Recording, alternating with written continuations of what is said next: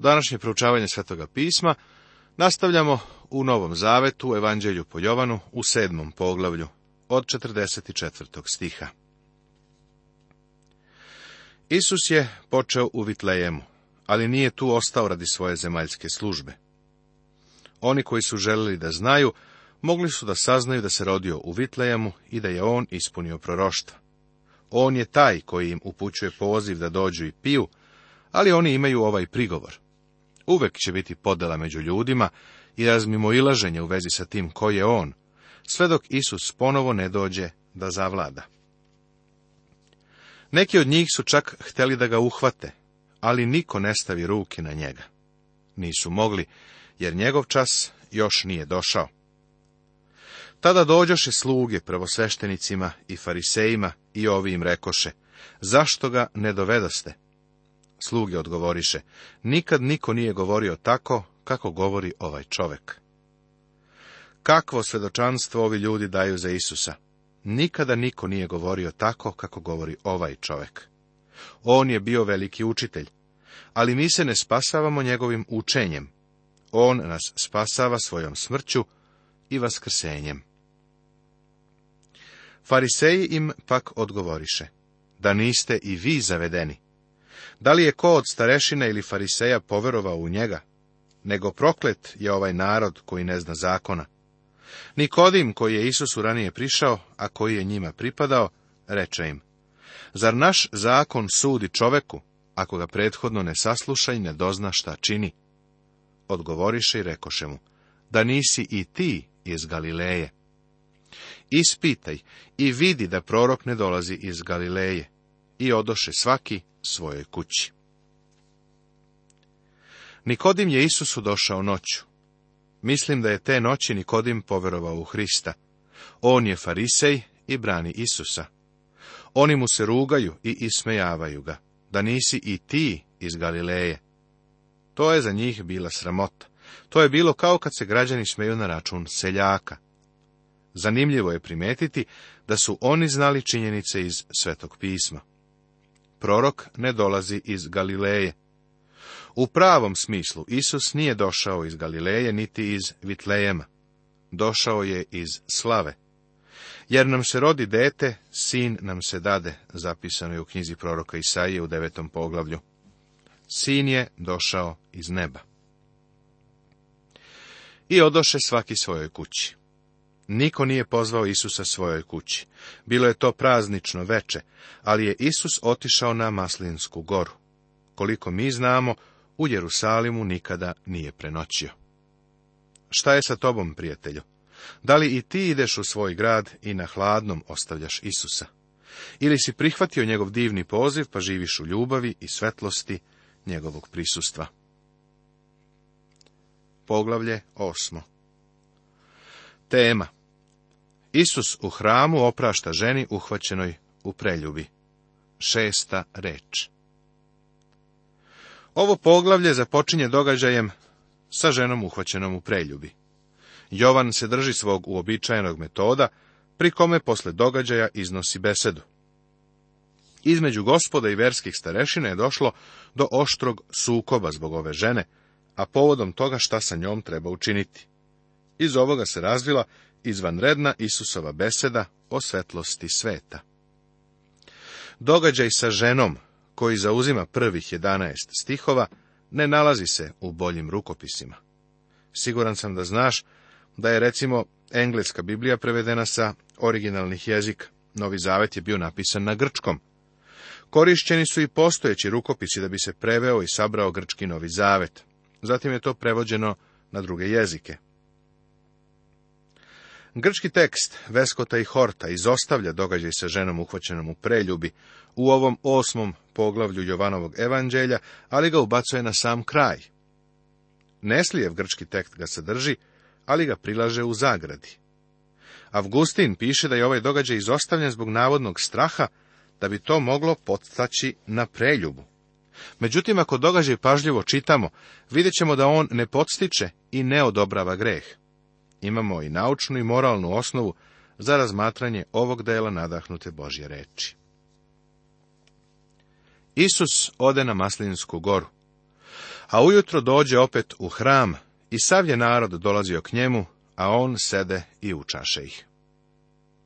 Seti se da je prethodne večeri bio održan sastanak Sinedriona i da su se ljudi podelili u mišljenju da li Isus jeste ili nije Mesija.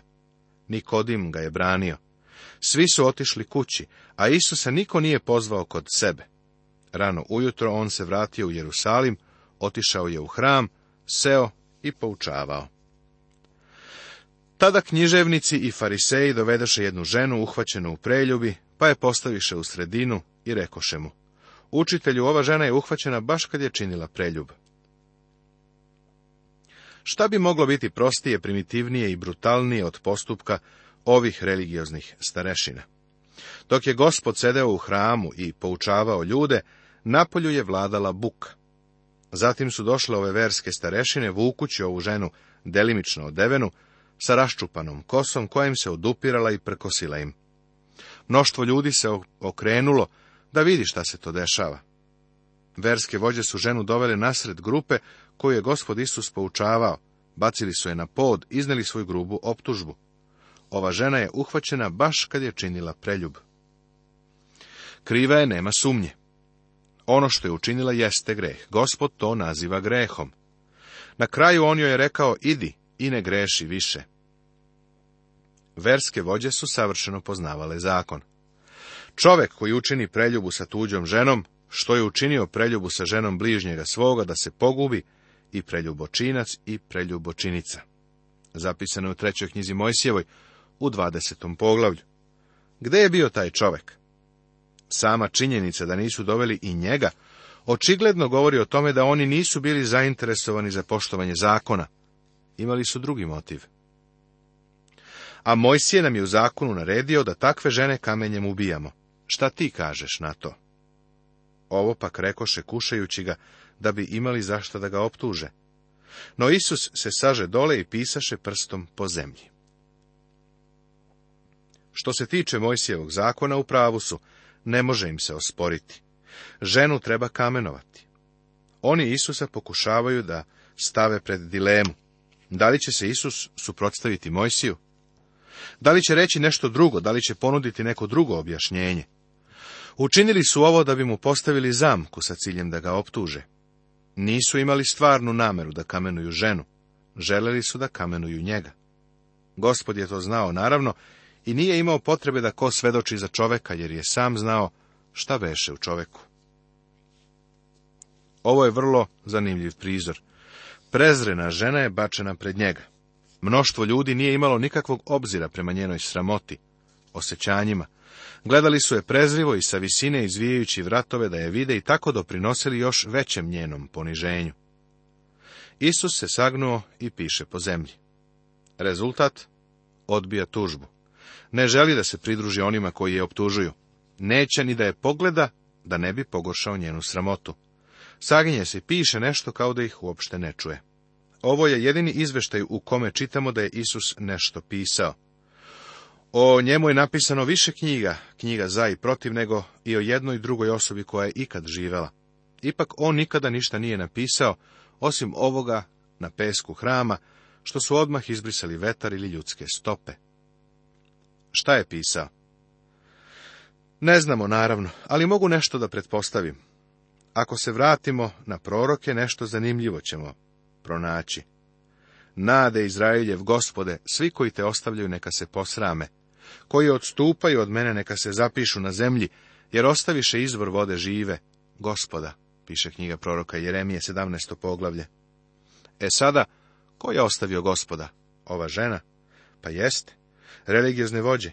I oni su ga ostavili. Njihova imena će se zapisati na zemlji. Mislim da je on to pisao povezujući njihova imena sa gresima njihove prošlosti. Možda je napisao ime žene koja je živela u Rimu. Kada je bio mlad, jedan stari pobožni farise je imao ljubavnu aferu u Rimu. Njegova žena o tome nije ništa znala, ali je gospod poznavao tog starog Nitkova. Kada je napisao ime te žene, stari farise je prišao i video. Odjednom se možda setio da ima neki drugi sastanak. Možda je neko od pismoznanaca redovno putovao za Efes, mesto velikog greha, na određenu adresu koju je Isus napisao na pesku. Pismoznanac je onda pogledao i rekao, o nebesa, i žurno pobegao odatle. Drugi pismoznanac je možda u Galileji ostavio trudnu devojku. Nije je oženio, a mislio je da za to niko ne zna. Gospod je na pesku napisao ime te devojke i uz njega ime pismoznanca. Ko zna šta je gospod Isus ovdje napisao? Stavio je bezakonja naša predase i tajne naše na svetlost lica svojega, kaže psalam 90. Tajni greh na zemlji je otvoreni skandal na nebu. Ali kako su ga i dalje pitali, ispravi se i reče im, ko je od vas bezgrešan, neka prvi baci kamen na nju. I opet se sažete pisaše po zemlji. A oni čuvši to, izlažahu jedan po jedan, počevši od najstarijih do posljednjih. Tako osta sam Isus i žena stojeći na sredini. Isus iznosi zahteve koje mora ispuniti onaj ko hoće da bude sudija, a ovo bi trebalo svako od nas da čuje. Imamo pravo da sudimo drugima ako ispunimo jedan uslov, taj uslov je bezgrešnost. Prijatelju, ne znam kako je kod tebe, ali mene ovo izbacuje iz pozicije sudije. Jedan stari škotski komentator kaže da su prvo otišli stariji, jer su bili razumniji od mlađih. Mlađi su se zadržali u blizini sve dok nisu vidjeli kako se i njihova imena pojavljuju, pa su na kraju i oni otišli. Tako, niko nije ostao ko bi bacio kamen na ženu osim jednoga, Jedino je Isus mogao da baci kamen na nju. Svi ostali su se razbežali. Kakvi licemeri! Isus se tada ispravi i reče je, eno, gde su? Nijedan te ne osudi. Ona reče, niko, gospode. Na to joj Isus reče, ne osuđujem te ni ja, idi i od sada više ne greši. Ova žena je bila kriva za greh, a prema Mojsijevom zakonu preljubnice su bivale pogubljene. Da li to Isus preokreće Mojsijev zakon? Da li radi nešto suprotno njemu?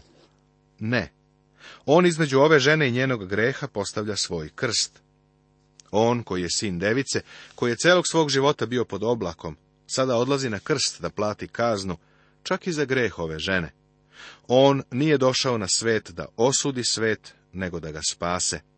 Na svet je došao da bude spasitelj. Mnogo ljudi misli da su izgubljeni zato što su počinili neki greh. Imam vest za tebe. Čovek nije izgubljen zato što je ubica ili lažao ili što je lažno svedočio ili počinio neke druge grehe. Sve te stvari čovek radi zato što je već izgubljen i zato što ne veruje u Isusa Hrista. Isus Hristos oprašta grehe. On je spasitelj. On je umro za grehe celog sveta.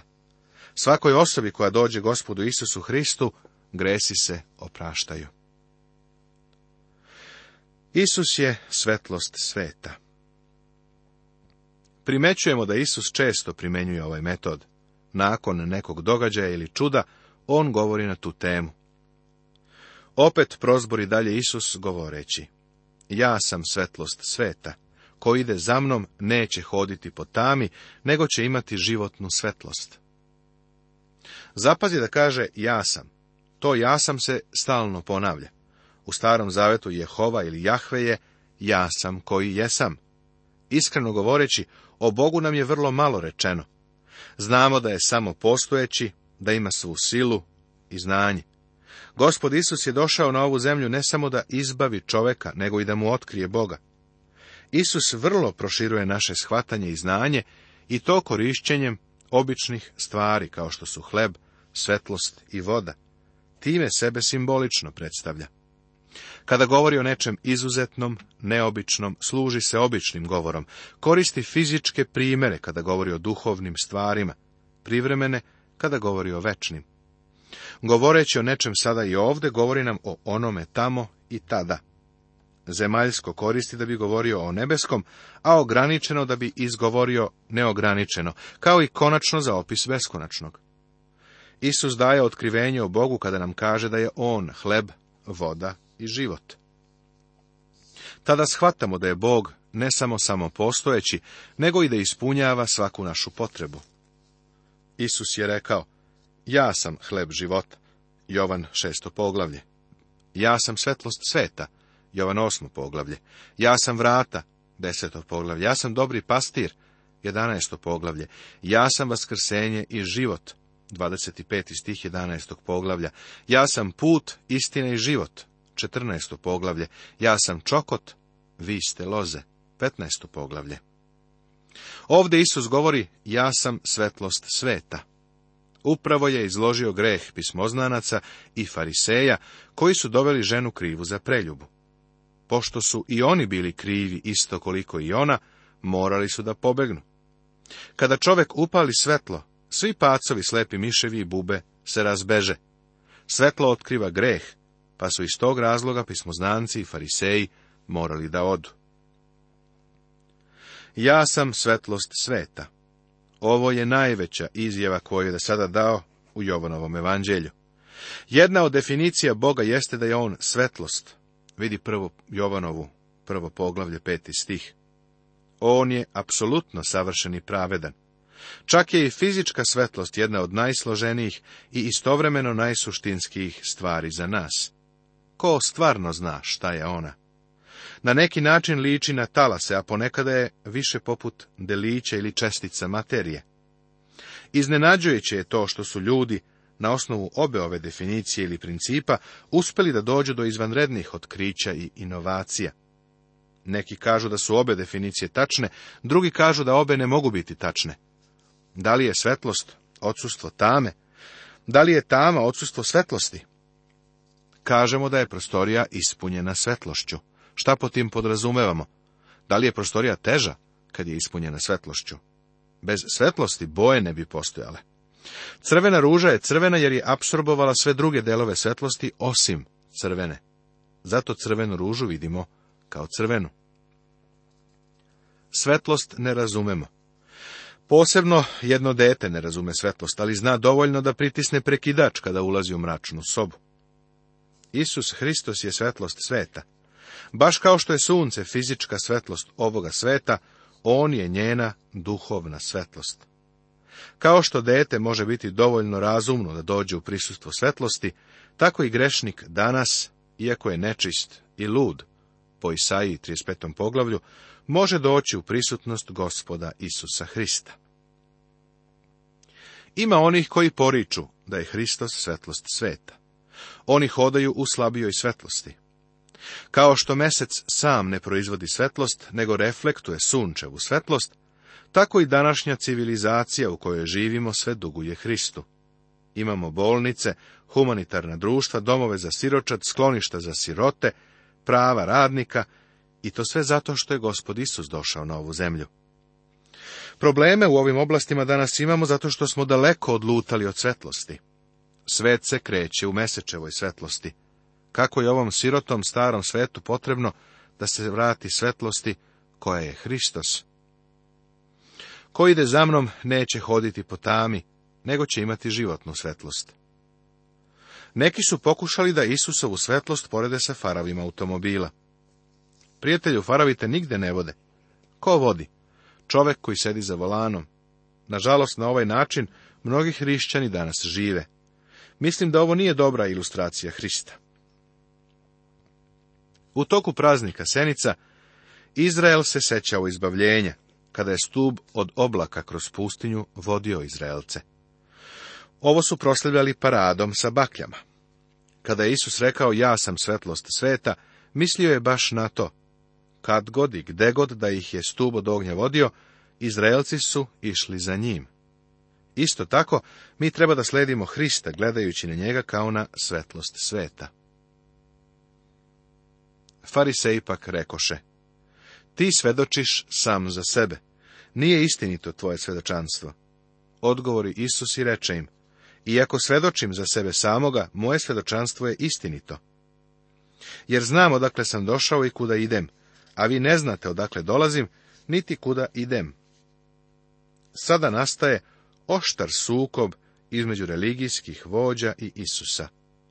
Oni ga optužuju za hvalisanje jer je rekao da je svetlost. Isus im navodi trostruki razlog zašto je njegovo svedočanstvo istinito. Prvo kaže, znam odakle sam došao. Kaže da zna odakle je došao i kuda ide, pa prema tome on sebe poznaje. Usput da spomenem, ljudi na zemlji ne mogu da kažu odakle potiču. Naučnici se trude da nam kažu šta se desilo pre više miliona godina, pa ipak niko od njih nije bio ovde čak ni pre sto godina. Ne znaju otkuda su, mogu samo da spekulišu, ali gospod Isus je znao otkuda je došao. Vi sudite po spoljašnosti, ja ne sudim nikome. Ako ja i sudim, moj sud je istinit, jer nisam sam, nego ja i otac koji me je poslao. Nastavit će se.